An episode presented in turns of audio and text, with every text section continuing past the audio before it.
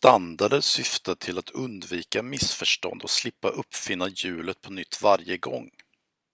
Standarder bidrar även till att aktörer på marknaden vågar satsa eftersom de vet att deras produkter då kommer anses säkra, fungera och ha förutsättningar att bli attraktiva på marknaden. Här i vårt fall handlar det om att elfordon och laddinfrastruktur ska fungera ihop utan problem. Men hur går standardutveckling till och vad är det som är på gång inom området laddning och elfordon? I dagens avsnitt samtalar Mats-Ola Larsson och jag Magnus Karlström från redaktionen om EV med Peter Claesson från SIS, Svenska institutet för standarder och Peter Herbert från Vattenfall om hantverket att skapa enhetliga och transparenta standarder som vi kan enas kring.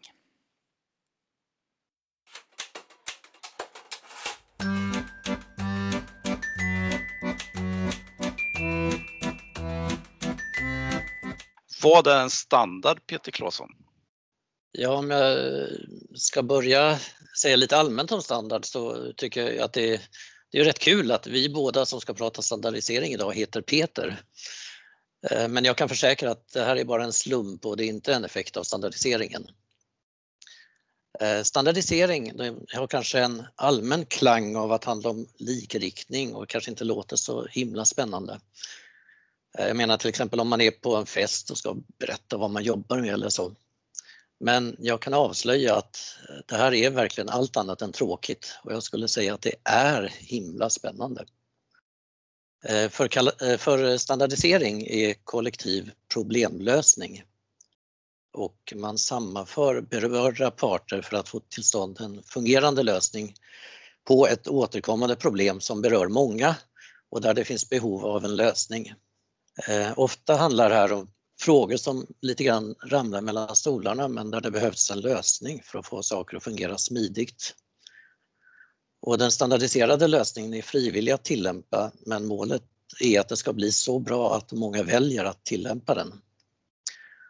Och när saker och ting fungerar riktigt bra så är det ofta så att det är troligen inte en slump utan det kan vara så att ett antal berörda har tänkt till och att det finns en lyckad standard bakom.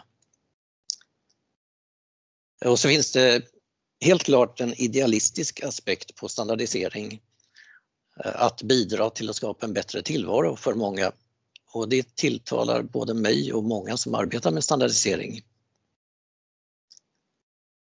Det kan samtidigt vara en stor utmaning att sammanföra experter från olika discipliner och kanske många olika länder för att få till ett bra samarbete kring en fråga. Men om alla ser nyttan och målet och bidrar konstruktivt så kan resultatet bli väldigt bra och användbart.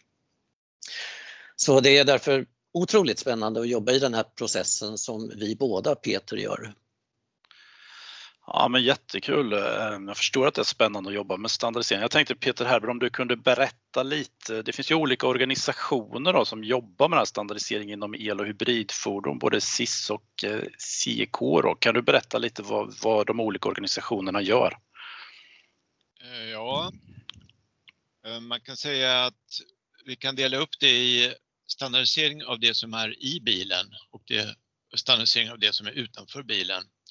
Och eh, om vi pratar om laddning av bilar så eh, inom eh, eh, när det gäller laddstationer och laddinfrastruktur, då är, brukar man börja upp eh, på internationell nivå med IEC heter organisationen och när man har standardiserat färdigt där då blir det Europastandardisering och det är ofta att man bara kopierar av den internationella standarden. Men om man inom Europa vill eh, välja vissa lösningar men inte andra, då kan man bestämma det där. Och sen blir det nationell standard på eh, Sverige-nivå till exempel, då är det SEK inom Europa så är det eh, Senelec som standardiserar.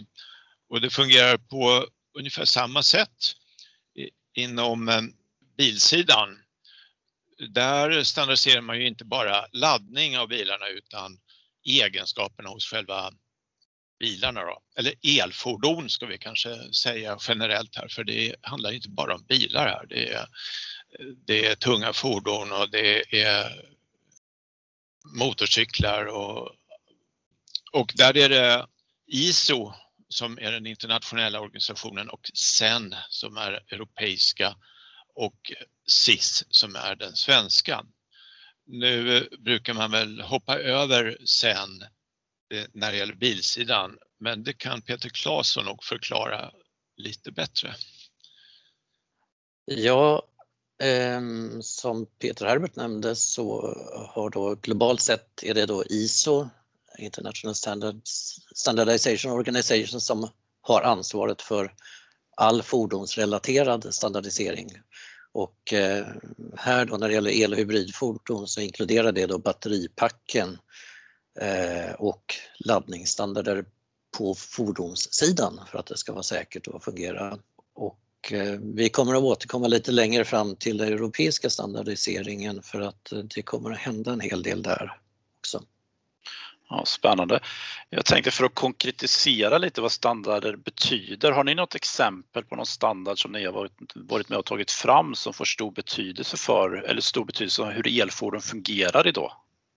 Ja, jag, jag skulle nog säga att det som man tänker på först eh, Eh, är det som ligger kanske på Peter Herberts område mest och det är att man har enats om standarder för ladduttag. Eh, och eh, att det verkligen fungerar i praktiken, att man inte har en uppsjö av olika anslutningar när man ska ladda bilen. Men om jag då kompletterar på själva fordonssidan så de säkerhetsstandarder som har tagits fram gör att man kan känna sig trygg med nivån av säkerhet som elfordonen har oavsett fabrikat och den situation som man kan råka ut för, till exempel med krock eller att man kör ner i vattnet. Eh, I övrigt är det då många fordonsstandarder som medverkar till att kostnaderna för tillverkningen kan sänkas och att priset går ner på fordonen. Peter kan utveckla det här med laddsidan kanske. Den standardisering jag är inblandad i, den har ingen inverkan på hur fordonen ser ut, eh, möjligen lite indirekt. Men man kan väl säga så här att jag har varit inblandad i eh, framtagning av laddning för konduktiv laddning, alltså med sladd. Och den standarden används ju för alla elbilar idag. Eh, det fanns eh, standard redan 2002 men den har utvecklats väldigt mycket. Och man kan undra vad är det som driver det här? Hur man laddar bilar. Eh, det är volym och vikt och kostnad på laddutrustningen skulle jag vilja säga. Vid låg effekt då resulterar det att man kan använda växelströmsladdning, AC-laddning och då är den laddaren i bilen. Vid hög effekt då använder man likström och den laddstationen kräver mycket mer utrustning och är dyrare och då ställer man den utanför bilen. Men det är bilen som styr laddaren fortfarande när det gäller elsäkerhet så finns det en krets mellan laddstationen och bilen som måste vara obruten för att laddning ska kunna fungera. Det gäller tillslag av spänning, att bilen ska stå stilla när man laddar, att både bilen och laddstationen är beredda och det är en eh, nyckelsäkerhetsfunktion som finns på alla bilar. Sen när det gäller interoperabilitet, att alla bilar ska kunna ladda överallt, då har man tagit fram kontakter för konduktiv laddning. I Europa så kallas den typ 2 eller CCS typ 2. Eh, typ 2 gäller växelström och CCS typ 2 den kan hantera både växelström och likströmsladdning. Det här har man valt i Europa. I eh, andra länder, USA och Japan, där har man lite andra varianter. Men det går mot ändå de här ehm, standarderna som jag nämnt. När det gäller styrning av laddning så enades man eh, någon gång 2007 eller något om att det skulle vara ett visst antal stift i kontakten, bland annat för faser och nolla och jord, men även två stycken kommunikationsstift för att man skulle kunna kommunicera mellan bil och laddstation bra. Sen visade det sig att ett av de där stifterna blev helt plötsligt ockuperat av funktionen att kontrollera att bilen står still. Proximity kallas det. Så då hade man helt plötsligt bara ett stift att kommunicera med och då blev det krångligare för då, då blev det mer komplicerad kommunikation och det brottas vi än idag med. Men eh, det finns vägar att komma runt det och eh, idag så använder man en ganska väldigt enkel styrning. Man har en strömbegränsning, eh, ett visst antal ampere och den styrs med, med hjälp av pulsviddsmodellering eller PWM-styrning och då är det, det funkar på antingen en fas eller tre faser och den mest begränsande fasen bestämmer vilken laddström man får ha. Och vid enfasladdning så är det inget problem, det gäller den fasen man använder. Men vid trefasladdning så eh, har man tre faser, en fas är väldigt begränsad, då blir det den som sätter gränsen och då går det, kan det gå långsammare med trefasladdning än enfasladdning. Och det mm. är ju inte så bra kanske. Men det, kom, det är nya standarder på väg som kan hantera detta. Men så här ser det ut idag. Det är ganska primitivt, men det funkar. Om vi tittar lite framåt då, om vi går över till dig Peter Claesson, om du pratar lite mer om fordon, vilka standarder på gång inom elhybridfordon som, som kan få stor betydelse? Och jag förstår att det är många som är på gång och så, men om du kan ge någon överblick? Ja, på fordonssidan så är det då ISO-standarder för säkerhet och, och laddningstekniker, batterifrågor och elkomponenter i fordon som man jobbar mest med och det utvecklas eh, här nu framöver. En hel del standarder har funnits ett tag som till exempel de här säkerhetsstandarderna ISO 6469-serien. Eh, och den handlar om elsäkerhet i fordon och även i samband med trafikolyckor. Då.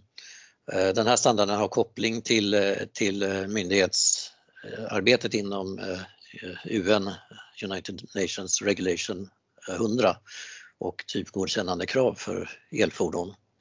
Eh, men både ISO och där UN-gruppen, de, de, är lite som kommunicerande kärl att eh, i vissa fall går ISO lite före och lite djupare eh, i, i frågorna. Och en, stor sak som är på gång nu, det gäller utvärdering av risk för termisk rusning i batteripack. Det här kommer då ge en kombination av provningsmetoder för att trigga igång termisk rusning och även dokumentationsmetod för hur man ska undvika att termisk rusning uppstår och hur säkerhetssystemen ska hantera den om den skulle uppstå. Och I det här har vi varit extremt engagerade från svenskt håll med våra bästa batteriexperter så vi har verkligen satt ett avtryck där. Eh, det är mer eh, standarder på fordonssidan som handlar om säkerhetskrav och funktionalitet kring laddning. Och det är en ny serie nu, ISO 5474-serien eh, eh, som då kombinerar lite som har funnits innan och men lägger allt som handlar om funktionskrav och säkerhet i förhållande till fordonet i en serie. Eh, här finns då konduktiv AC-laddning och DC-laddning, induktiv överföring till fordonet och även som intressant att framtiden kommer automatiska laddanslutningar. Så alltså typ robotteknik eller vad man ska säga, man ska inte behöva gå ur bilen. Ja, jag förstår att det är väldigt många så, så det kunde byta lite eftersom du pratar om laddning då och går över till dig Peter Herbert. Vad är det som är på gång inom laddningssidan då på, på standarder? Det finns uh, fyra huvudområden som vi jobbar med. Det är konduktiv laddning, det är trådlös laddning, det är kommunikation och det är eh, Eh, energilagring. Vi jobbar också med batterier fast mer på cellnivå. Och det som är på gång, högeffektladdning, konduktivt framför allt, men även induktivt. Konduktivt upp till 4,5 megawatt pratar man om.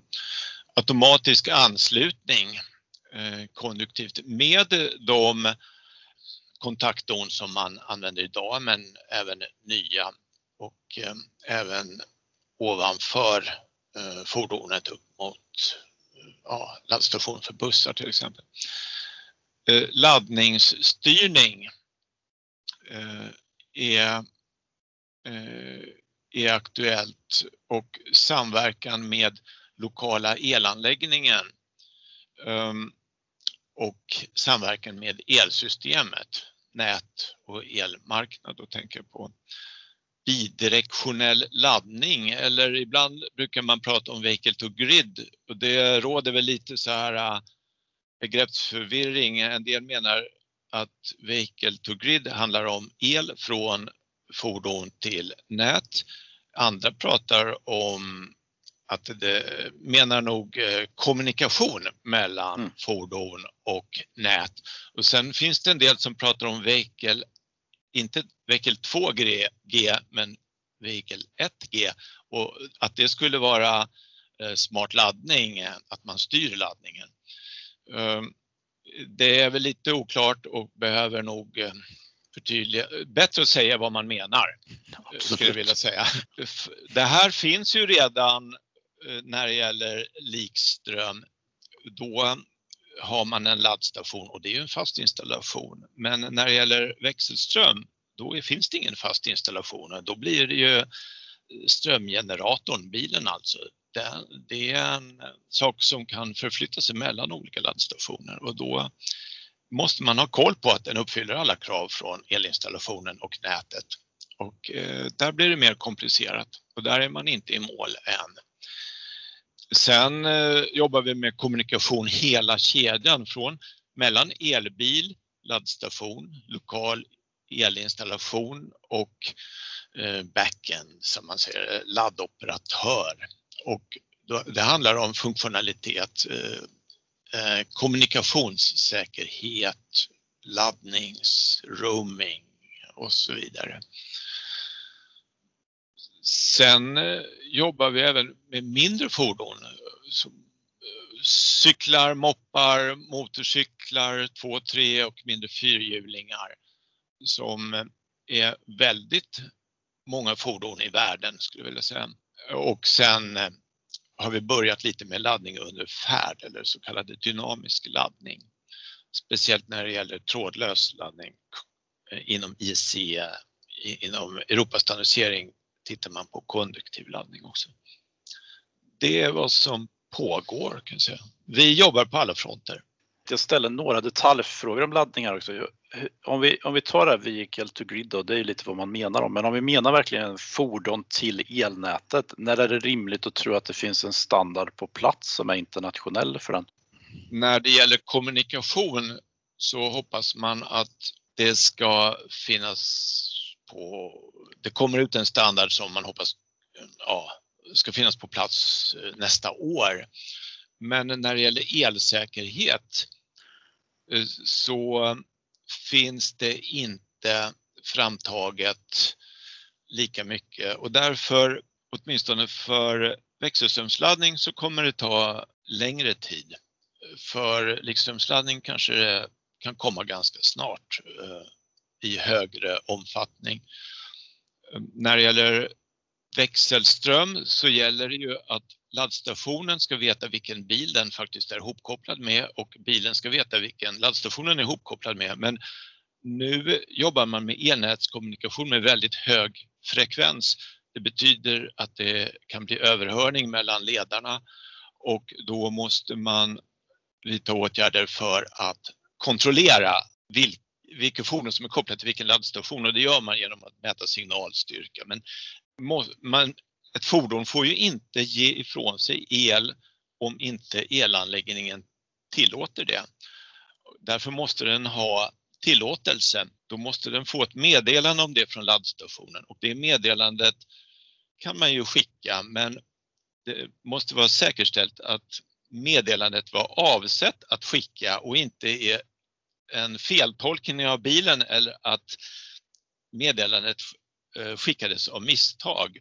Och sen måste meddelandet också inte kunna förvanskas eh, så att det börjar betyda någonting annat än det det var avsett för.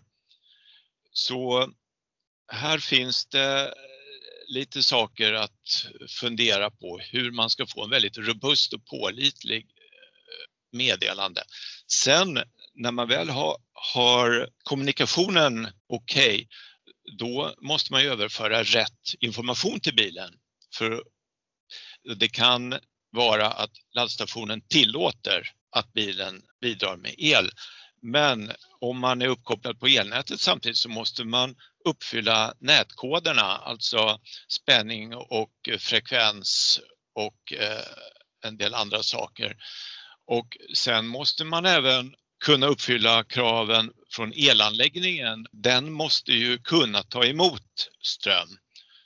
Och sen kan det bli extra komplicerat om elanläggningen inte är kopplad mot elnätet. Eh, att det är så kallad ödrift. Mm. Då måste det finnas balans mellan eh, levererad effekt och konsumerad eh, effekt, skulle vi kunna kalla det.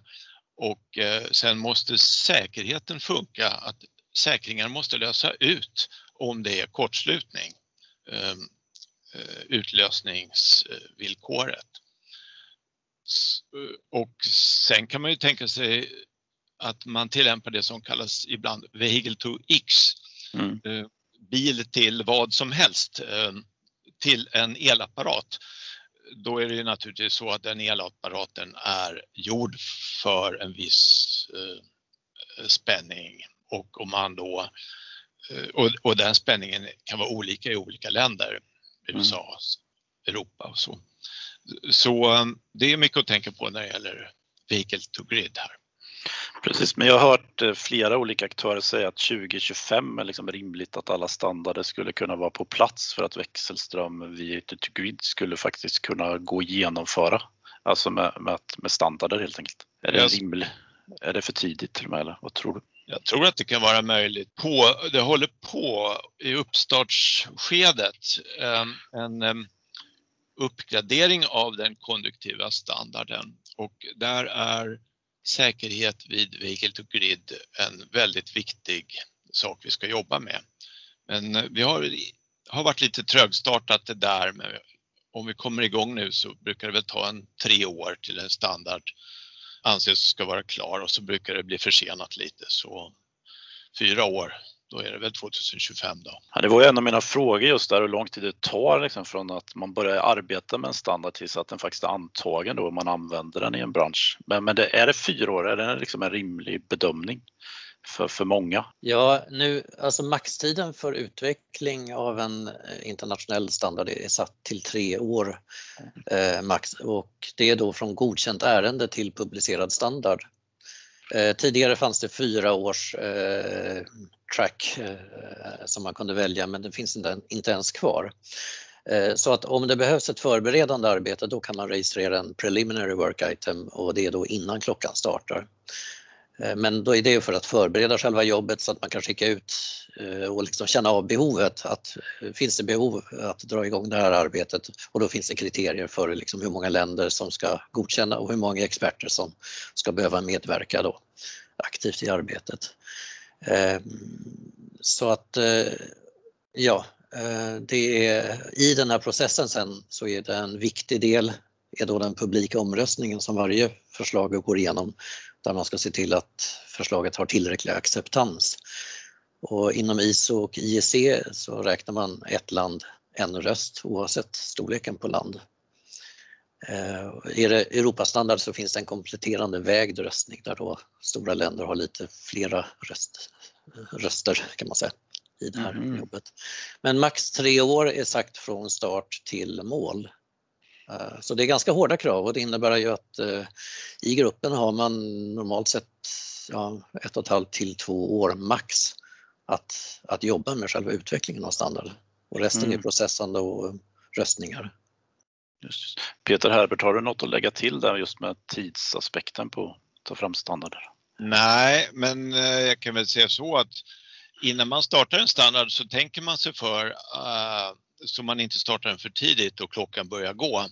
Och, och det är precis det som eh, är läget när det gäller konduktiva standarden nu här då, då för laddstationer. Att det är ett förberedelsearbete och när man känner att nu har vi något att komma med och skicka ut för, på remiss, då startar man klockan. Så det här extra året, det kanske inte hamnar i slutet som jag nämnde utan innan. innan då. ni nämnde det här från att man startar klockan. Hur, hur, hur gör man för att starta en klocka? Hur går det till egentligen? Kan ni, alltså vem har rättighet att sätta igång ett, att nu borde en standard börja jobbas med? Ja, själva behovet kan ju komma från eh, var som helst ifrån egentligen. Att eh, vem som helst kan lägga in ett förslag till vanligen då sin nationella eh, organisation att här skulle det behövas en standard. Eh, och eh, sen då de, finns det en grupp som redan där den passar in så tar man det förslaget i den gruppen och får det liksom bra acceptans i gruppen så eh, Sen finns det då liksom en beslutsgång för det här när det är lämpligt att skicka ut det på för att kolla av läget internationellt och bland olika medlemsländer att, att det här är någonting som verkligen finns behov för och där, där vi är verkligen beredda att satsa de resurser som krävs. Men då är det på något sätt att det finns någon process att det är tillräckligt många länder då som står bakom att det finns ett behov här och då kan man sätta igång och jobba Ja, det, alltså minimikravet är att minst fem länder eh, förbinder sig att delta aktivt och delta med, eh, med experter från de här länderna. Det är minimikravet. Kan ni hjälpa oss att förstå lite, hur, hur jobbar ni de här internationella kommittéerna speciellt med, vad är, vad är det för processer? Du nämnde förut Peter Claesson att ni haft tagit hjälp av svenska batteriexperter och så. Liksom, hur, hur går arbetet till? Vi har, eh, vi har då som vi har nämnt innan att vi bildar eh, nationella kommittéer, då, tekniska kommittéer. Och det finns det då på både SIS och SEK för, som behandlar el och hybridfordon. Eh, I SIS fall så heter den eh, tekniska kommitté 517. Här då tycker vi till, det är liksom grupperingen som tycker till om förslagen från svensk sida och där vi koordinerar arbetet. Är det ett intressant arbete där eh, några vill delta aktivt i då den internationella ISO-gruppen så anmäler vi de experterna dit. Då, så att då är det några i den svenska gruppen som går in och är experter direkt i eh, det internationella arbetet. Och det fungerar väl på motsvarande sätt i SEKs kommittéer. Vi har överhuvudtaget samma regler inom ISO och IEC. Det är precis samma directives som gäller angående röstningar och liksom hur processerna ska gå till. Jag kan väl lägga till att det finns ISO IEC directives och det är väldigt noggrant beskrivet hur processerna ska gå till och hur man skriver en standard. Och jag har tittat i de här på sista tiden och faktiskt förvånats över hur bra beskrivet det är. Så att undrar man hur det, går, hur det ska gå till, då finns det alltid ett avsnitt där beskriver i detalj hur det ska gå till. Och det kan ju tyckas vara väldigt formellt, men det är en väldigt stor hjälp också. Det är otroligt tydligt och det undviker ju konflikter och eh, får, eftersom det finns regler för hur allting ska gå till så eh, så, så löser man alla problem. Nej, det, finns, det finns också uppförandekoder som är väldigt bra att, eh, att ta till. Och kanske speciellt om man är ordförande i en eh, technical committee, ungefär som Peter Herbert här då, att det finns en code of conduct för hur arbetet ska gå till och att man ska verka liksom för det gemensamma bästa och så vidare, hur man ska hantera det just för att eh, hela arbetet ska kunna flyta ren i praktiken bra i en grupp. För att det, det, kan ju vara väldigt många olika personligheter och med olika bakgrund och så vidare som deltar i de här grupperna. Så det är ju som bäddat för konflikter egentligen. Och visst har man under åren varit med om några så riktigt eh, häftiga situationer när det blir utbryter gräl. Men det var innan den här eh, Code of Conduct eh, fanns nedskriven eh, faktiskt. Eh, men, men det är bra att liksom baseras, alla känner till hur ska vi arbeta. Jag kan väl lägga till att begreppet konsensus är väldigt centralt här, att när man tar fram standarden då ska man eftersträva att alla är överens. Nu är inte det alltid möjligt, men då kan man ta majoritetsbeslut också.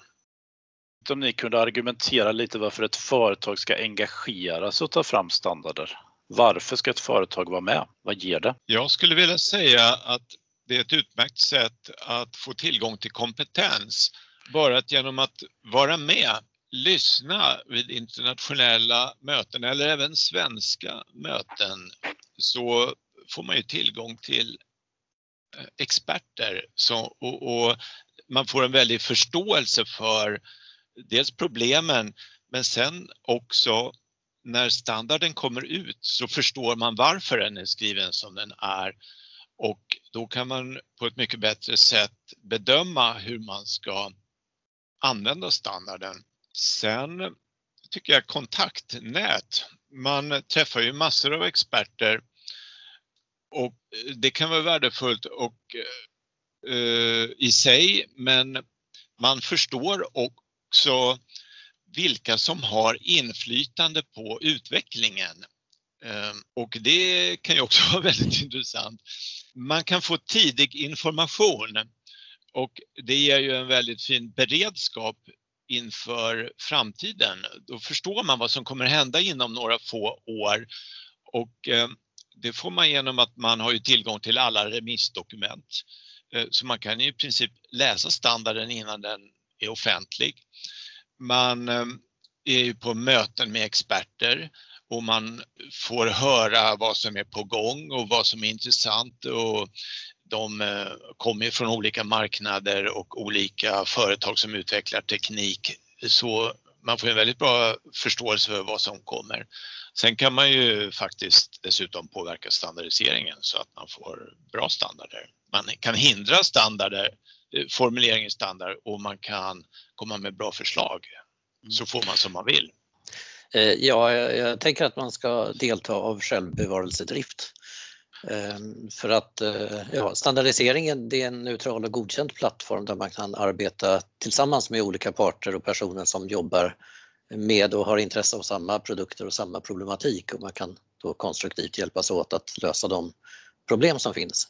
Eh, och det här är ju ganska känsligt i många fall med tanke på det här med kartellregler och så vidare men standardiseringen är en neutral och godkänd plattform för ett sånt här samarbete.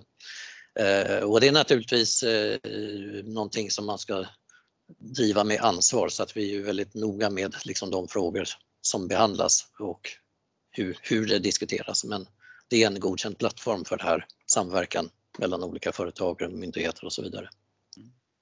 Vad har ni för rekommendation? Då? Hur ska ett företag göra för att komma med i arbetet inom standardisering? Hur gör man? Jag kan ju bara berätta hur vi gjorde. Vi kollade upp vad, eh, vad som fanns på hemsidan på elstandard.se och SIS.se och där kan man titta bland kommittéerna. Man kan ju också ringa dem och fråga finns det någon standardgrupp som eh, jobbar med det här som jag är intresserad av. Eh, när man har hittat sin grupp då anmäler man sig bara och betalar sin medlemsavgift som faktiskt inte är så stor skulle jag vilja säga. Den är försumbar i sammanhanget.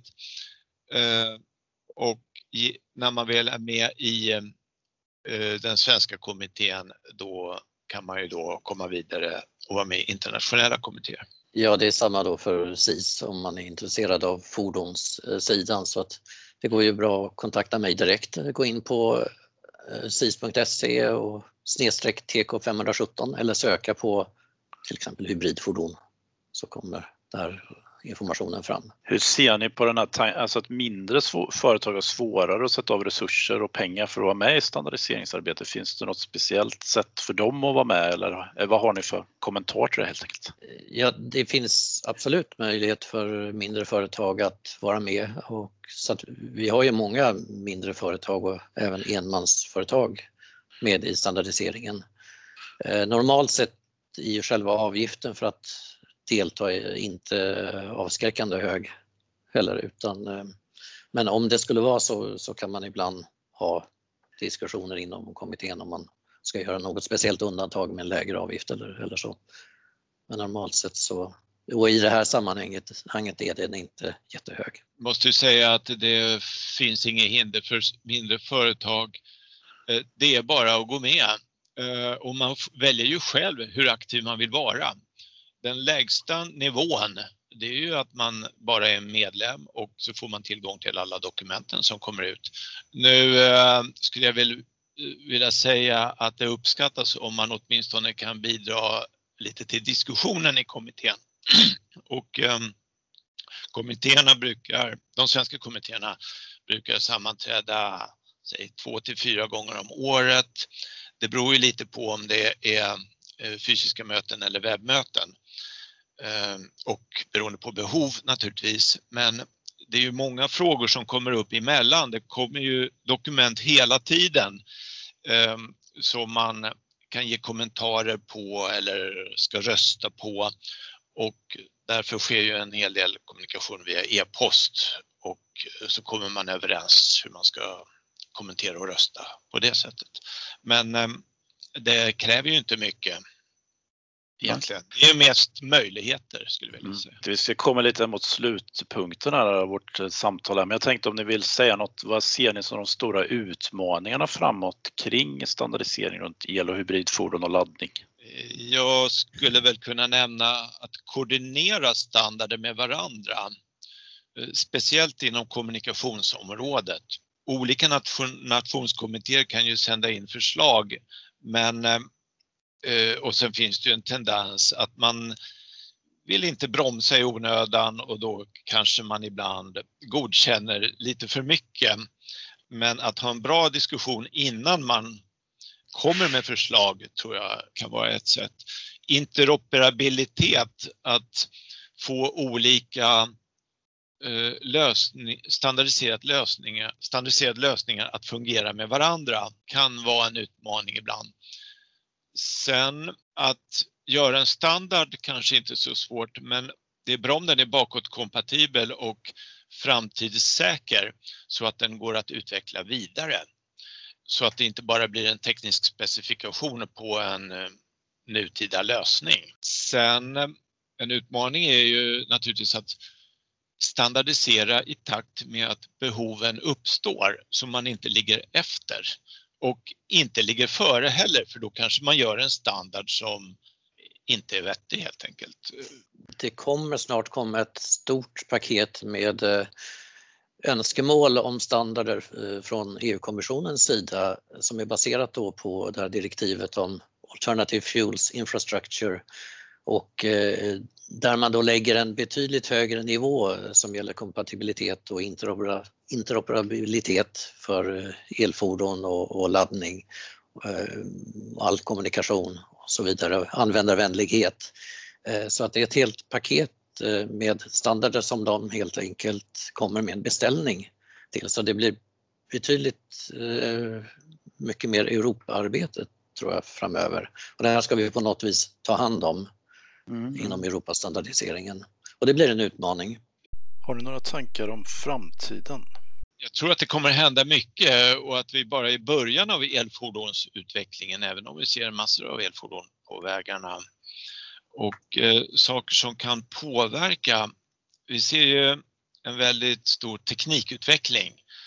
Självkörande bi bilar, batterierna utvecklas, kostnader utvecklas eh, beroende på eh, att massproduktion kommer igång så vi kommer att se helt andra kostnadsbilder för olika komponenter som kan svänga om eh, så att en teknik blir mer intressant än den var förut. Laddningsbehoven, laddningsmönstren kan ändras beroende på eh, hur man äger en bil. Om bilen är självkörande så kan ju bilen själv åka och ladda och köra fram.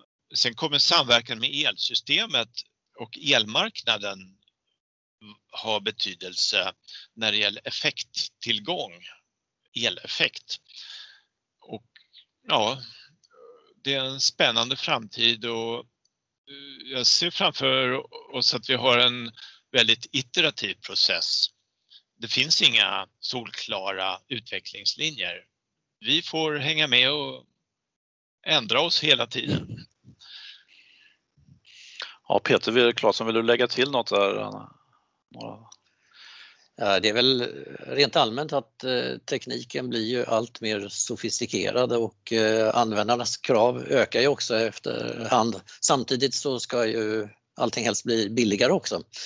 Mm. och det finns ju en hel del ytterligare ISO-standarder och projekt, pågående projekt som medverkar till det här då i, i fordonet som inte har nämnts eh, här då. Men eh, då bör man, behöver man gå in betydligt djupare vilket vi inte har tillfälle till just nu.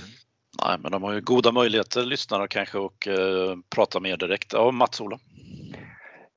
Jo, jag tänkte faktiskt på en sak. Så ni har ju pratat ganska mycket om det här som en process där man samlar aktörer och länder och, och ser gemensamma behov och sånt. Men om man tänker på det här, det här är ju en, en konkurrensutsatt marknad med jättestora aktörer som inte alltid har gemensamma intressen, åtminstone inte av att standarden i lika hög utsträckning ska hjälpa mig som konkurrenten om det finns någon skillnad därvidlag. Så det måste ändå finnas någon liten eh, inbyggd konflikt i att de stora marknadsaktörerna kanske har olika intressen. Kan ni nämna någonting om hur man brukar hantera det där? Är det majoritetsbeslutet som avgör eller om det finns sådana konflikter i enskilda standardprocesser? Eh, det är klart att det finns väldigt stora intressen och företag som har mycket pengar, de har ju möjlighet att stoppa in många experter i standardiseringen och de har möjlighet att ta fram lösningar på hemmaplan som motsvarar standarden och det kan pressa på mot vissa typer av lösningar. Det går ju inte att komma ifrån helt enkelt. Men eh, mycket bra. Tack så jättemycket för att ni ställde upp. Tack ska ni ha. Ja, tack själv. Ni har lyssnat på ett poddavsnitt från nyhetsbrevet om EV om EV är helt finansierad av Energimyndigheten och värdar Swedish Electromobility Center.